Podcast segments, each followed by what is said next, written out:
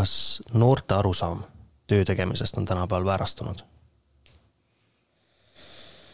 ei ole, ma arvan vastupidi, et noorte arusaam tänapäeval on järjest tervislikum. et äh, nii palju, kui mina noori, noortega kokku puutun, et mul omalgi on üks kahekümne kahe aastane kodus, siis äh, nad oskavad tegelikult seda äh, fun'i ja puhkamist sinna vahele planeerida palju paremini kui mina, kes ma olen seitsmekümnendatel sündinud ja kes, ma tean nii paljusid, kes on tegelikult ikka täitsa tööhullud. et äh, neil tuleb see loomulikult, et meie põlvkond peab nagu endale meelde tuletama, et oot-oot-oot, et vahepeal peaks puhkama ka. et selles mõttes ma arvan, et äh, vastupidi, et äh, ei ole väärastunud ja äh, ja ma tegelikult väga ootan äh, juba ka seda põlvkonda, kes ongi siin kaks tuhat alguses ja sealt alates sündinud, neid nagu rohkem äh, äh organisatsioonidesse äh,, väga ootaksin ka Riigikogusse. Et, et noh, et, et see nende maailmavaade ja olemine, et muidugi neil on ka oma selliseid äh, keerukusi, et kus me täna just hommikul oma osakonnas pisut arutasime siin, et et võib-olla noh, et, et kui see nüüd natukene nagu sinna mm, selle puhkamise poole ära kaldub, et siis on keeruline, eks ole, et lõppkokkuvõttes tuleb ju ka asjad ära teha ja vastutust võtta ja kõike seda äh,. aga et äh, kui ta on selline, noh, toob seda tervislikku tasakaalu, siis see on ikka väga-väga teretulnud. aga kui sina personalijuhina praegusel hetkel võtadki tööle näiteks kellegi, kes on sündinud üheksakümnendate lõpus, kahe tuhandete alguses, siis kas sa lähed kuidagi tööintervjuule mingisuguse teise ootusega? Ma ei ütleks, et äh, võib-olla see on see minu selline mingi äh, kiiks, aga mulle number üks lihtsalt noored inimesed nii väga meeldivad, et äh, ma tahakski järjest rohkem nendega intervjuusid teha. ja noh, selles mõttes äh, võib-olla ma jah, uurin natukene seda poolt, mis puudutab noh, rohkem natukene nagu seda eelistatud käitumisstiili, mis tal on, mis puudutabki sellist nagu äh, Äh, teatavas, see on, see on nagu mingi tugevus ikkagi, et äh, vastupidavus nagu selles mõttes, eks ole, et, et ähm, ma pean tunnistama, et mul seda kogemust on olnud, kui ma nüüd niimoodi põlvkondade mõttes räägin, aga, aga siin ei saa teha ka võib-olla üldistust, lihtsalt võib-olla mul tulevad mõned näited meelde, kus äh, et kui on ikkagi selline pingelisem ja vastutust vaja võtta, et siis ta võib ära kukkuda. Selles mõttes ja isegi mitte ilmuda ja mitte midagi ütelda. et siis ma võib-olla nagu seda kohta uurin rohkem äh, intervjuul ka, et mis ta nagu selline aktiivsus ja praktika ja, ja noh, need kogemused, mis tal sinnamaani on olnud, ükskõik, kas see on, ma ei tea, minu pärast mingi suvelaager või, või mingisugune õpilasinitsiatiiv, et äh, kuidas ta on käitunud mingit teatud olukordades, natukene aru saada, et et seal mingi niisugune nagu piir jookseb, et ähm, ja kas tal on valmidus nagu selles muutuda, tegelikult õppida neid kohti. aga näiteks, kas töövestlusel nagu see tuleb üldse välja? kas tuleb inimene, kas inimene on nagu aus töövestlusel või kas sa nagu näed inimesest läbi, kui on töövestlus tahaks jah öelda, et ma näen läbi, võib-olla see kogemus on vaata juba selline, et ähm, kui sa ei oska seda võib-olla kohe sõnadesse panna, kui sa saad selle tunde kätte, et minul küll on see niimoodi, et äh, need riskid ikkagi on võimalik ära tajuda ja ja see, kas inimene räägib ausalt või vabalt, et see on ka üks, ma ütleksin, minu töö kompetents, luua selline õhkkond, kus inimene tunnebki, et ta, ta saabki vabalt rääkida ja see on selles mõttes okei okay., ta saab ka selle teadmise turvalisuse, et jah, ta siin ja praegu sellest jagab, aga et äh, see ei lähe kuskile niimoodi, mis kuidagi võiks teda kahjustada. kuidas äh kuidas, ütleme siis eelneva töökogemuseta noor, noh, ütleme, kui ta on läinud gümnaasiumist bakasse, magistrisse, ta on juba kakskümmend kolm pluss isegi võib-olla, aga tal tegelikult ei ole mingisugust konkreetset töökogemust all. kuidas selline noor äh, ennast sulle tõestada saab kõige paremini, et kuidas saab tõestada, tegelikult on ikkagi see, kui ta, ta nagu päriselt silmad põlevad peas, ütleb, ta väga tahab et äh, mul on just praegu nagu kuidagi võib-olla sellega, et mul oma tütar on selles vanuses ja vahe, kohe hakkab bakat tegelikult lõpetama ja ja kuidagi tema ringkonnast on palju noori, kes äh, tegelikult ka samal ajal otsivad tööd ja nad on minu poole pöördunud ja ma olen siis oma nagu ringkonnas jaganud nii palju nende seda äh, infot kui palju võimalik, et aidata neid, eks ole, siis seda esimest sammu tegema, et noh, ma väga nagu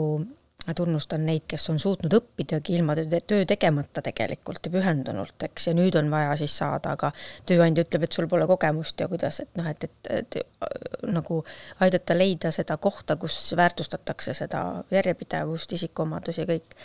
aga tahe on minu meelest see, mis nagu äh, ütleb tegelikult ja mis annab selle, et äh, noh, nagu äh, sisemise teadmise, vaid sellel inimesel on, ma kindlasti annaksin võimaluse, et, et see on ja noh, muidugi, kui ta on olnud aktiivne oma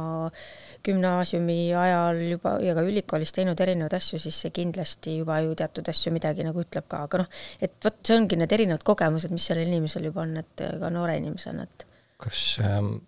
kas sul nagu mingisugune suhtumise erinevus paistab ka nende noorte seas välja, kes noh, näiteks on sama vanusega,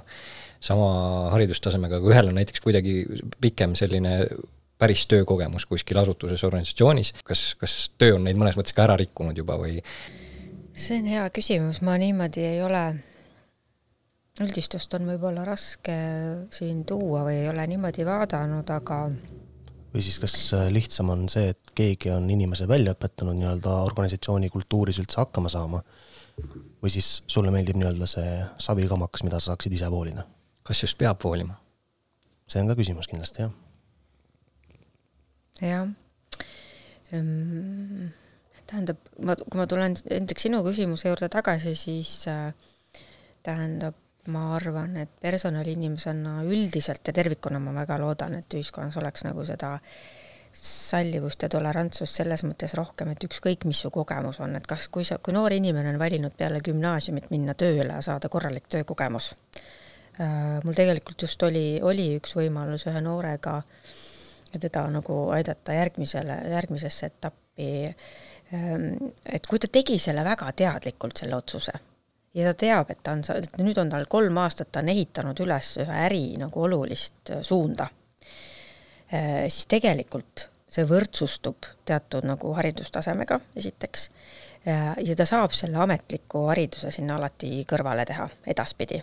kui ta on teinud selle teadlikult, selle sammu, siis mina seda väärtustan üldse selliseid teadlikke valikuid. et äh, kui see, kes on siis teadlikult läinud gümnaasiumis või gümnaasiumist otse ülikooli või mingisugust kutset õppima ja sealt, et äh, kui tal on nagu see, et ma ei tea ise ka, mida ma tahan ja vot need on, see on kõige raskem olukord tegelikult. nii tööelus kui ükskõik kus mujal. ja nüüd see, kas voolida või mitte, siis, äh, siis äh, ikkagi nagu praktikas seda voolimist toimub ju. Ja, ja seal on minu meelest hästi oluline nüüd see noor tegelikult satubki keskkonda, mis noh, toetab ka selliseid põhiinimväärtusi ja mis aitabki tal inimesena väga kasvada. et siin mul on nagu sellist võib-olla endal sellist nagu ma oma otsuseid teen palju ka väärtuspõhiselt ja ja noh, näiteks organisatsiooni valikul, et et, et noh, millega see organisatsioon tegeleb et äh, mina näiteks oma lapsel või oma lähedase lapsel ei soovitaks minna organisatsiooni, mis tegeleb sellise toote arendamisega, mis tegelikult laias plaanis ei ole kas kliimasõbralik või on mingisuguse, ma ei tea, noh a la need vaibid ja, ja suitsud ja muud värgid, eks ole. Äh, isegi kui seal võidakse rääkida, ma ei tea, tervislikust eluviisist, no see ei lähe kokku, see on konflikt sisse kirjutatud, et noh, et selles mõttes ma ei soovitaks noortel või kellelgi minna sellises, aga noh, eks siin on elu teeb vahest ka omad korrektuurid. sa oled äh, personalitööd teinud nii erasektoris kui ka riigisektoris. siis mis on need nagu kõige suuremad vahed värbamisel ja nendel inimestel, kes ühte või teise poole tulevad? kas on mingi kindel tüüp inimesi, kes näiteks riigisektoris käivadki nagu ühest maast teise ja ei lähe erasektorisse? kas erasektoril on sama teema? kas me saame üldse sellist paralleeli kuskil luua? Jaa, no ma kakskümmend kolm aastat olin ju panganduses ja nüüd ainult natuke üle aasta avalikus sektoris. ja erinevused kindlasti on, aga see, mis puudutab inimeste värbamist äh, ja liikumist asutuste vahel, ähm, et kuidagi mul on jäänud silma, et äh, esiteks äh, need, kes tulevad erast, ja nüüd ma pean võib-olla peeglisse vaatama, võib-olla ise ma teen sedasama, aga mul natukene on jäänud silma selles osas, et siis hirmsasti püütakse nagu seda vahet tõmmatagi, et vot mina nüüd tulin erasektorist ja nüüd ma tulin avalikku ja, või siis on vastupidi, et et ähm, et mis ma võib-olla olen mõtisklenud, on tegelikult see, et see, mis puudutab nagu töötajate heade kompetentsidega inimeste saamist organisatsiooni, siis äh, me peaks üldse, tegelikult me peaks vaatama nagu seda ühtsena. sellepärast, et ega siis äh, talent, ükskõik, kas see on avalik või erasektor, ta ootab ikkagi sellist väga inimesesõbralikku, kaasavat organisatsiooni kultuuri, kus väärtuspakett on selline, ma väärtustan iseennast ja ma näen, et organisatsioon mind väärtustab. ja vot mingisugustes nagu põhimõtetes on nagu seal erinevus, et äh, et ma pean tunnistama, et ma ka ise siin Sotsiaalministeeriumis olen nagu püüdnud äh, seda joont tuua sisse, et äh, kui sa oled tubli oma valdkonna ekspert ja talent äh,, siis palun väärtusta ennast ja palun, palun väärtustame organisatsioonina rohkem, et äh, see ei tähenda seda, et äh, sa teed null euro eest midagi, eks ole, või tasuta. ja minu arust see on nagu laiem küsimus, et äh, noh, mis ühtepidi orga-, kuidagi ühiskonnas äh, ka noh, ajakirjanike kaudu ja kuidagi no ju tõmmatakse üles alati seda, et vot issand jumal, nüüd riigi raha eest tehti seal seda. aga ei anta endale aru, et samal ajal sa ootad seda kvaliteetset asja, mis sa siit tahad saada. Need on täpselt samasugused inimesed, kes noh, töötavad ka siis niinimetatud erasektoris, eks. millest algab üldse organisatsiooni kultuuri ülesehitamine? kui sul lihtsalt on krunt, siis nagu millest sa alustad?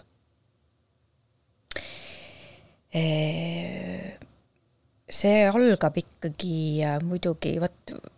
ma kunagi muide omal ajal tegin baka, oma bakatöö, siis tegingi organisatsiooni kultuurist ja siis ma mäletan, et äh, noh, see on niisugune hästi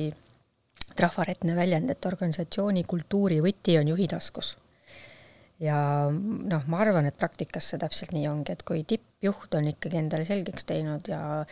teab, missugust organisatsiooni ta tahab, äh, siis sellest kõik algab tegelikult, et Ähm, ja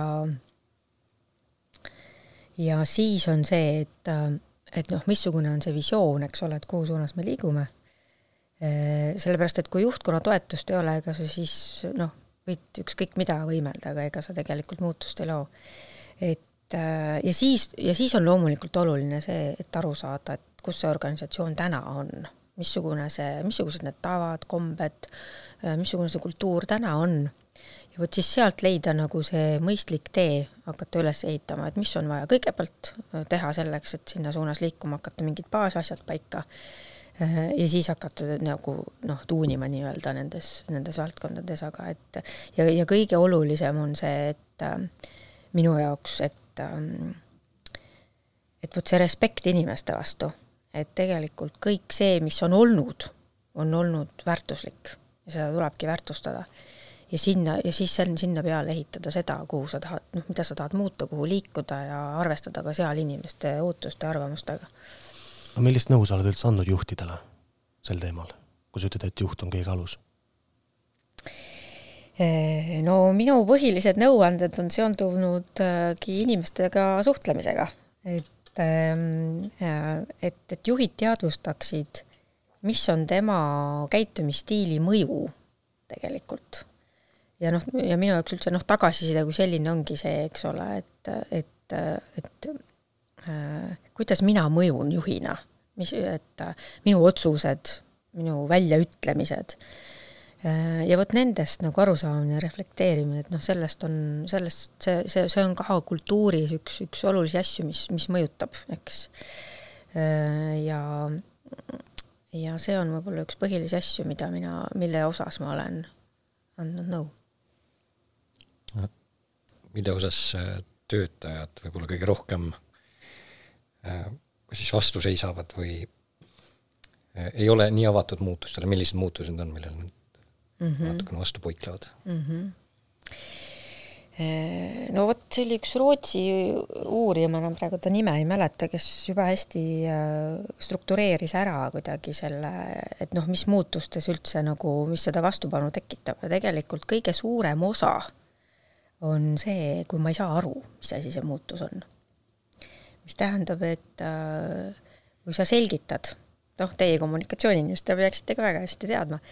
et kui sa selgitad ühe korraga, sa pead selgitama mitu korda ja, ja suurem osa inimesi tegelikult, kui ta saab aru, mis see muutus on ja mis see tema jaoks tähendab, ta tuleb kaasa. seal peab natukene lihtsalt noh, aja andmine on hästi normaalne. aga vot keerulisem on nendes kohtades, kus äh, inimene võib-olla ei ole teadvustanud, aga talle tegelikult ei meeldi see muutus, nagu lihtsalt ei meeldi või see inimene ei meeldi. ja vot seal on nagu mingid väärtused, asjad tulevad mängu ja sellised nagu et vaata, siis see on see, et noh, sa selgitad kuhugi maani, aga sa ei saa panna kellegi, kedagi midagi, et talle hakkaks see meeldima. et selle otsuse ta peab ise tegema kui tal on piisavalt infot ja siis, et kas ta teeb teadlikult selle kliki, et mulle nüüd meeldib see või ei meeldi, ja kui ei meeldigi, siis, siis minu meelest noh, iga inimese vastutus on see teha see otsus, et see ei olegi siis järelikult see minu koht, eks ole. et selles mõttes on muutustega jah, nii, nii et, et, et kui on kui on noh, ja see meeldimine, see võib, noh, see ongi see maitse küsimus, eks ole kui me räägime kahekümne esimese sajandi töö tegemisest, siis mis on nagu need muutused, mis on viimasel ajal nagu kõige suuremalt ellu läinud, okei okay,, kaugelt töötamine, ja mis on need asjad, mida sa ise näed, et mis on meil põhimõtteliselt ukse lävel, et mis meil nagu, kuhu töö tegemine tulevikus areneb, mis muutub? no äh, jaa, see kaugtöö ja see noh, tegelikult üldse selline teadlik töö tegija et, äh, et mulle see kontseptsioon üldse tervikuna väga meeldib, et töötaja kui võrdne partner, on ju, et äh, ise teadvustamine, et mida ja kuidas teha ja, ja ma arvan, et see järjest rohkem. Äh, noh, on tööle läinud ja läheb tööle, aga mida me minu meelest peaksime mõtestama, mis võiks paremini minna tegelikult tööle, on see, mis tuleneb noh, näiteks nendest äh, artificial intelligence äh, siis äh, rakendustest äh,, mida ära kasutada, aga just nagu, selles mõttes, et noh ähm,, ma olen tähele pannud, tegelikult on väga palju hirmu, et issand jumal, nüüd mu töö võetakse ära. aga et tegelikult ju äh, äh, ka minu varasemas praktikas või noh, et, et äh, organisatsioonid tegelikult maadlevad sellega, et saada nagu see niisugune orav rattas töö, äh, et keegi teeks selle ära ja siis jääks aega nende suurte asjade jaoks. ja minu meelest see ongi üks võimalus, kus sul noh, näiteks just nimelt nendes kohtades, kus infot väärindatakse või kus äh, on see noh, infoga töö, eks ole, on see siis poliitika kujundamine või mingi muu asi, kus on tegelikult mingi osa tööst, mida saakski see ai väga kenasti ära teha ja siis kõik see muu, noh, eks ole, kus on vaja edasi arendada, kõiksugune arendus ja mis on ju tegelikult väga kihvt töö osa, äh, saakski olla see töölaud. et äh, aga see, seda nagu lahti mõtestada ja ja viia sinna, et noh, et äh,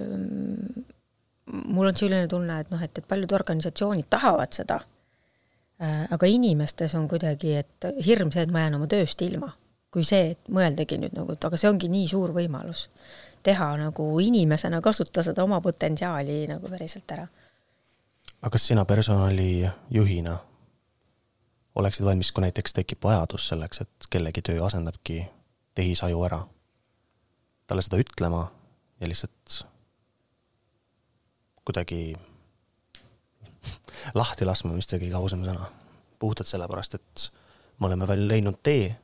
kus mingisugused lihtsamad tööd teeb keegi teine ära. aga vaata, seda ma ütlengi, et mina ei arva, et see tähendaks lahtilaskmist, et see tähendakski selle inimese äh, siis kui vaja ka nagu seda kompetentsi nagu või profiili noh, arendamist, eks.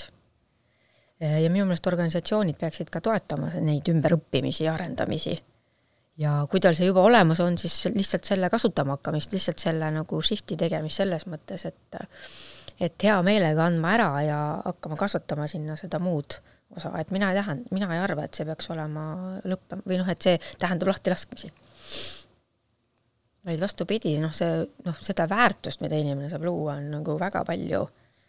arendamise mõttes. aga kui paindlik üldse on täna Eesti keskmine tööandja? vot siin on küll kuidagi äh,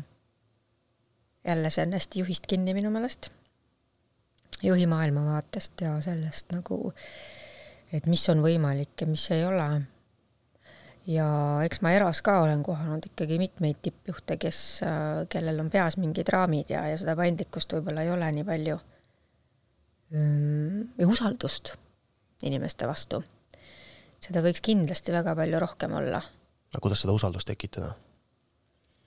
Mida saan näiteks mina töötajana teha, mida saab juht teha omalt poolt, et usaldust tekiks rohkem mm? -hmm no öö, ütleme nii, et usaldust on ju nagu noh, üks autor on teda nagu defineerinud kolme sellise osana, et esimene ongi selline kokkulepete usaldus, kui sa pead oma lubadustest kinni, sellest kõik algab. Sa oled lubanud, sa oled kokku leppinud mingi tähtaja, et sa teedki ära ja sa teed seda veel nagu sellisel kujul, et võib-olla noh, seal on midagi, mida ma isegi ei oodanud, et sa teed ja see on nagu see vau, eks ole.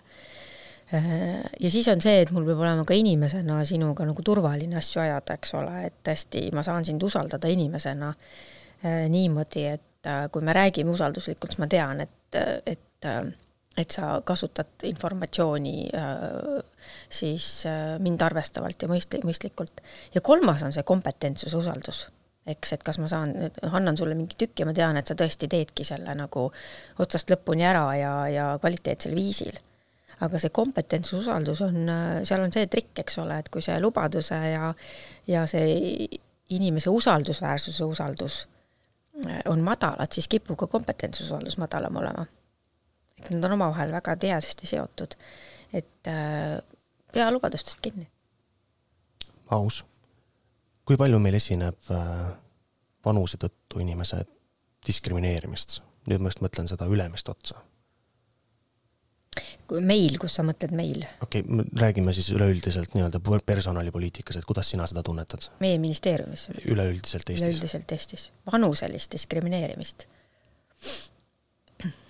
No seda vist ikka kohtab veel kahjuks. et ähm, jah, see on huvitav, et me ju valmistame siin ka oma seda mitmekesisuse kava raames koolitusprogrammi ette ja siis me tegime ühe sellise piloodi, eks ju, Swedbanki kolleegidega ja ja ja seal oli üks harjutus, eks ole, valgusfoori harjutus, et oli lause ja siis, et annad noh, et kas punane, kollane või roheline kaart, et kas seal on diskrimineerimist või midagi sees. ja kas ma nüüd mäletan õigesti või oli see meil ettevalmistuses see lause sees, et kus, noh, et ta, ta läheb ju nagunii varsti pensionile, et mis me ikka teda kaasame või kuidagi et noh, äh, samal ajal äh, me teame, kuidas see vanuse taju on nii palju muutunud, eks ole, et et äh, ma arvan, kuuskümmend on noh, uus mingi nelikümmend või midagi sellist, eks ole. et inimesed ju pikalt veel on valmis töötama ja väga paljud olema just aktiivsed, et see aitab ju hoida aktiivsust, eks ole. ja paraku mingites kohtades tuleb kuidagi väga lihtsalt see, et, et et äh, see vanus kuidagi mõnede arvates on piirav või midagi. Ja teine pool on ka noorte puhul, et ega siis me ju sealt alustasime, eks ole, et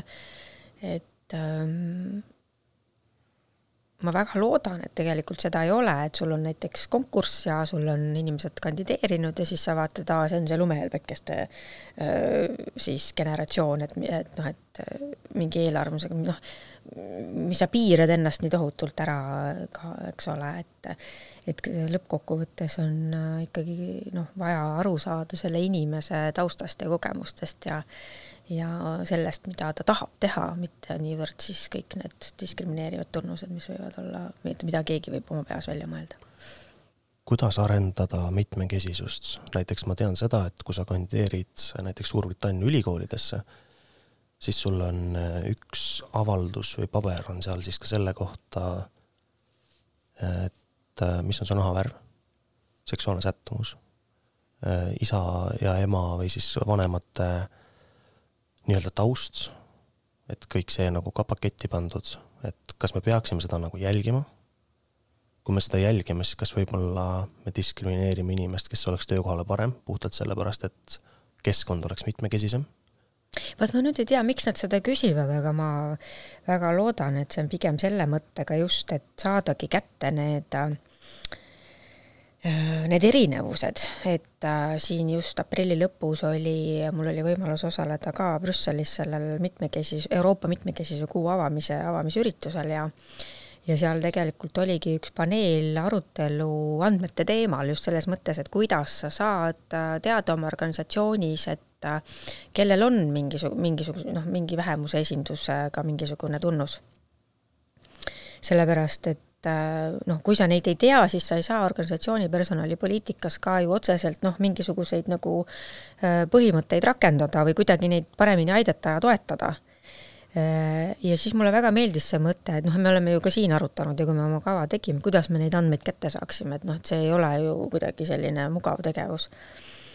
Ja siis seal oli, see oli vist Hollandi charteri esindaja, kes ütles, et Äh, vabatahtlikkuse printsiip, küsi.